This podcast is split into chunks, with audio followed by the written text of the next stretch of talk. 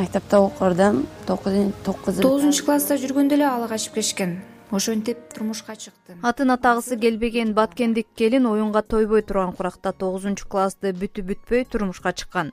Үй бүлө куруу жоопкерчилигин сезбеген бала кыял кызды көчөдө ойноп жүргөн жеринен ала качып кетишет. Куурчак ойной турган куракта боюна бүтүп эки балалуу болот. Бирок үй бүлөлүк турмушу ойдогудой уланган жок. Мектепте окурдум тогузунчу класста жүргөндө эле ала качып кетишкен ошентип турмушка чыктым. Азыр эки балам бар. Тагдырым тайкуу болду. Кыйналдым. Кызым боюма бүткөндө кайнатам үйдөн чыгарып койду. Башка жакта жашап жүрдүм. Жашоом оңоло түшкөнсүдө кийин күйөөм көчөдө жүргөн балдарга кошулуп кетти. Арада кыздар менен ойноп жатканын байкап калып да жүрдүм. Ичип келип урду сокту баарына кайыл болуп моюн сунуп жүрө бердим. Кайнатам мас болуп кирип келип уруштун учугун жандандыра баштады мага атырылып куру менен сабамакчы болуп тап кылды. Түнү апама чалып жаанга карабай үйгө алып кеттик. Азыр ойлосом ошондо жаштык кылыптырмын турмушка такыр даяр эмес экенмин көзүм көр болуп калган сыяктуу. Сүйүү жаман нерсе экен. Апамдын тилин укпадым беле. Эми азап тартып отурам. Бул видео демократия жана жарандык коомчун коалициясынан алынды аталган коалициянын алдындагы өспүрүм курактагы никелердин алдын алуу долбоору өлкөнүн түштүк аймактарында талас чүйдө изилдөө жүргүздү анда кызын он төрт он жети жашында күйөөгө берүү көрүнүштөрү өзбек тектүү жарандар көбүрөөк жашаган. Же диний көз караштар үстөмдүк кылган айылдарда кездешсе азыр өлкөнүн дээрлик баардык аймактарында кездешип жатканы белгиленген. Долбоордун өкүлү гүлбарчын жумабаеванын белгилешинче жашы жете элек турмуш курган көрүнүштөр көбүн эсе айыл жерлеринде кездешет.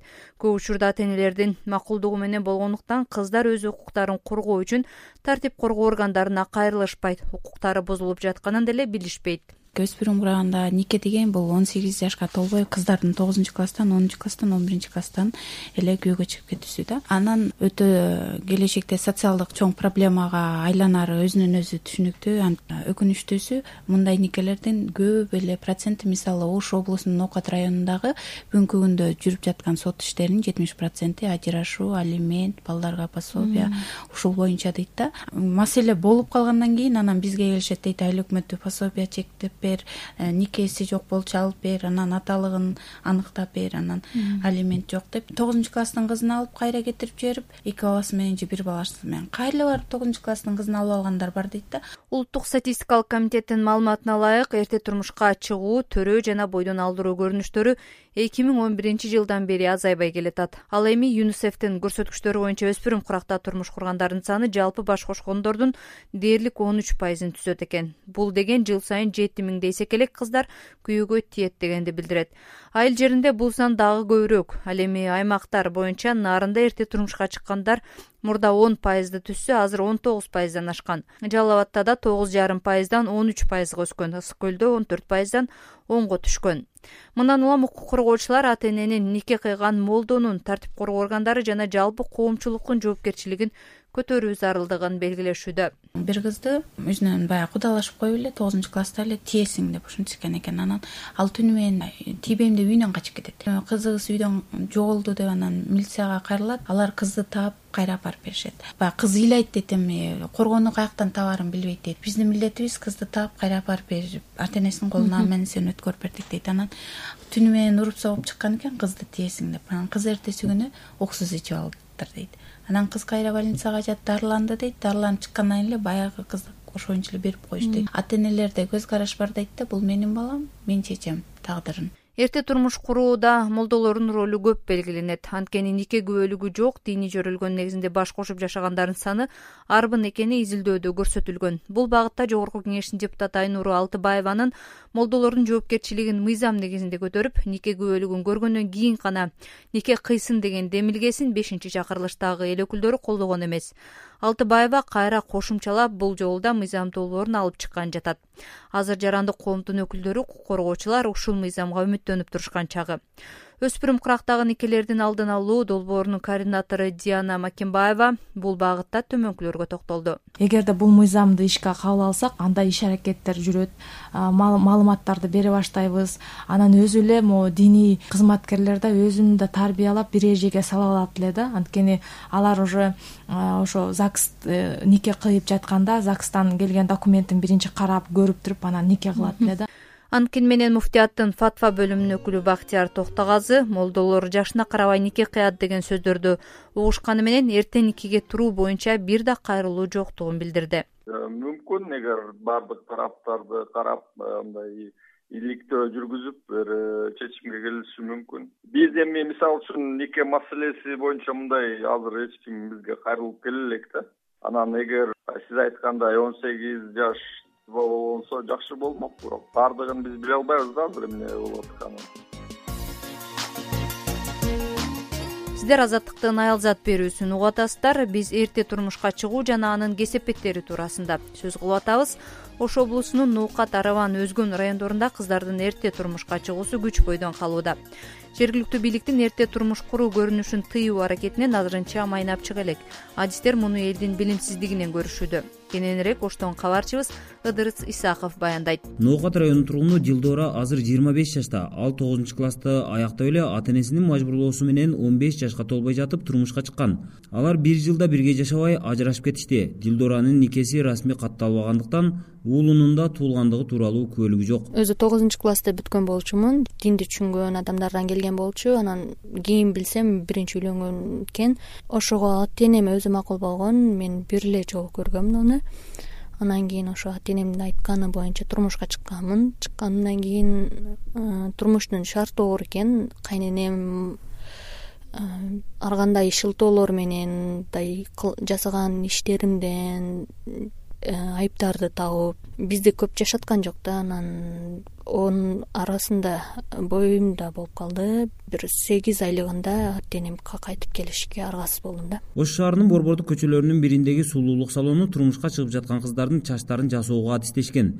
салондо күн сайын турмушка чыгып жаткан онго жакын кыз чачтарын жасап кетишет. Салон кожойкесинин айтымында кардарлардын отуз пайыздайын он беш он алты жаштагы кыздар түзөт. Бизге Э, жыйырма бештен эң өдөсү жыйырма беш болуп атат эң жашы он беш он алты болуп атат. Он беш он алты жаштык кыздарам довольный эле эми фото көйнөк кийип атканда баардыгы сүйүнүп эле кетип атышат где то бир эки үч процент э, мынтип ата энесинин айтканы менен турмушка чыгып атат. Калганы баардыгы сүйүшүп. Жигиттери келип өздөрү алып кетип ошентип алып кетип атышат. Баардыгы довольный эле учурда ош шаарында ноокат араван жана өзгөн райондорунда жергиликтүү бийликтер нике күбөлүгү жок жаштарга мусулманча нике кыюуга тыюу салышты. Бирок мындан жашы жете электерге нике кыюу көрүнүшү токтой элек оштогу ак жүрөк кризистик борборунун юристи марина гайнанова эрте турмуш куруу көрүнүшүнө ата энелер өздөрү себепкер экенин айтат. Ата энелер эгер бай жерден чыгып калса берише берет да он беш он төрт жаш болсо эмчи. Ата энелер кээ биргилер тез эле баласын эрте эле үйлөндүрүп койгонучу мына он класс бүтүрдү он бир класс бүтүрдү баласын үйлөндүрүп баласын үйлөндүргөндөн кийин өзүнө тең кыз тийбейт да. Бир тогуз класс сегизинчи класстагы кыз тийиш керек да. Ошонго бала караганы он төрт жаш ошо он төрт он беш жаштык кыздарды алып кетип анан кийин энди атасы энеси жок жанында. Бирөөнүн карамагында баласын карап жүргөндөн кийин ол кыздар эми энди жигиттер менен таанышат экен. Ошондой бул жерде эми ранний брак болуп кетип турмушка чыгып калып анан төрөп коюшуп атат. Адистер эрте турмуш куруунун кесепетинен майып балдар көп төрөлүүсү ажырашуулардын адатка айланышы материалдык зыяндардын артышы сыяктуу кесепеттерин эскертип келишет. Негизи эле адистер эрте турмуш курууга кыздардын жыныстык байланышка эрте кириши жигиттердин аскерге барбай жүрүүсү жана ата энелердин бардар жуучуну кое бербөө аракетинен улам деп эсептешет. Ыдырыс исаков азаттык ош. Бийлик ката электе турмуш куруп төрөгөн кыздардын көбөйүшүн ички тышкы миграция маалыматтын жоктугу социалдык экономикалык жана диний жагдайлар себеп экенин белгилешет. Анткени изилдөөдө өспүрүмдөрдүн турмушка чыгуусу айыл жерлеринде ошондой эле колунда жок үй бүлөлөрдө көбүрөөк экени айтылат. Эки миң он үчүнчү жылы миңден ашуун баланы он алты он жети жаштагы өспүрүм энелер төрөгөн. Эки миң он төртүнчү жылы алтымыштан ашуун эне өлүмү катталса арасында он сегизге толо элек келин төрөттөн көз жумган ал эми евразиядагы мамлекеттердин ичинен он тогуз жашка чейинки төрөгөндөрдүн саны боюнча кыргызстан бешинчи орунду ээлеген жана өсүү гана үстүндө.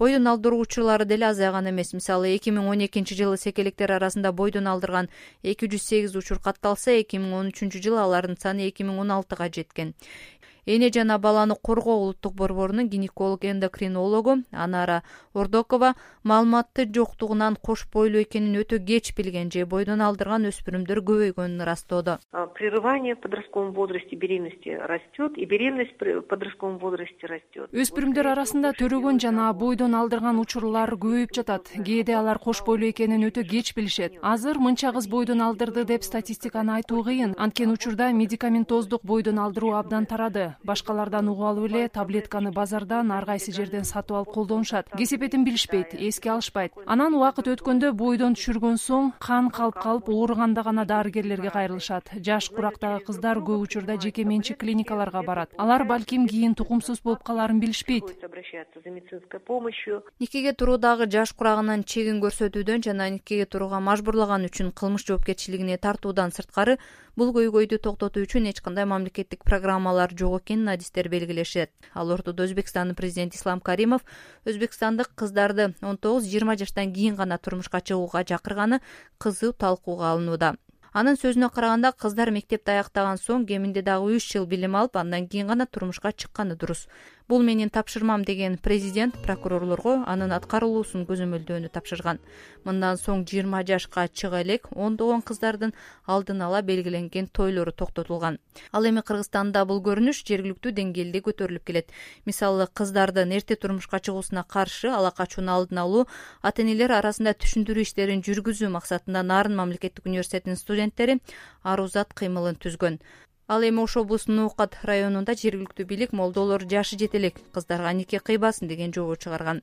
Кызды жашы жете элек куракта тагыраагы он сегиз жашка чейин мажбурлап күйөөгө берүү ала качуу үчүн мыйзамда жоопко тартылаары жазылган. Укук коргоочулар эл ичинде мындай мыйзам бузуулар тыйылбаганын ага коомчулук тартип коргоо жана сот тармактары кайдыгер карап маани берилбей жатканын айтышууда сиздер азаттыктын аялзат берүүсүн уктуңуздар. Берүүнү даярдап алып баргандар канымгүл элкеева жана ыдырыс исаков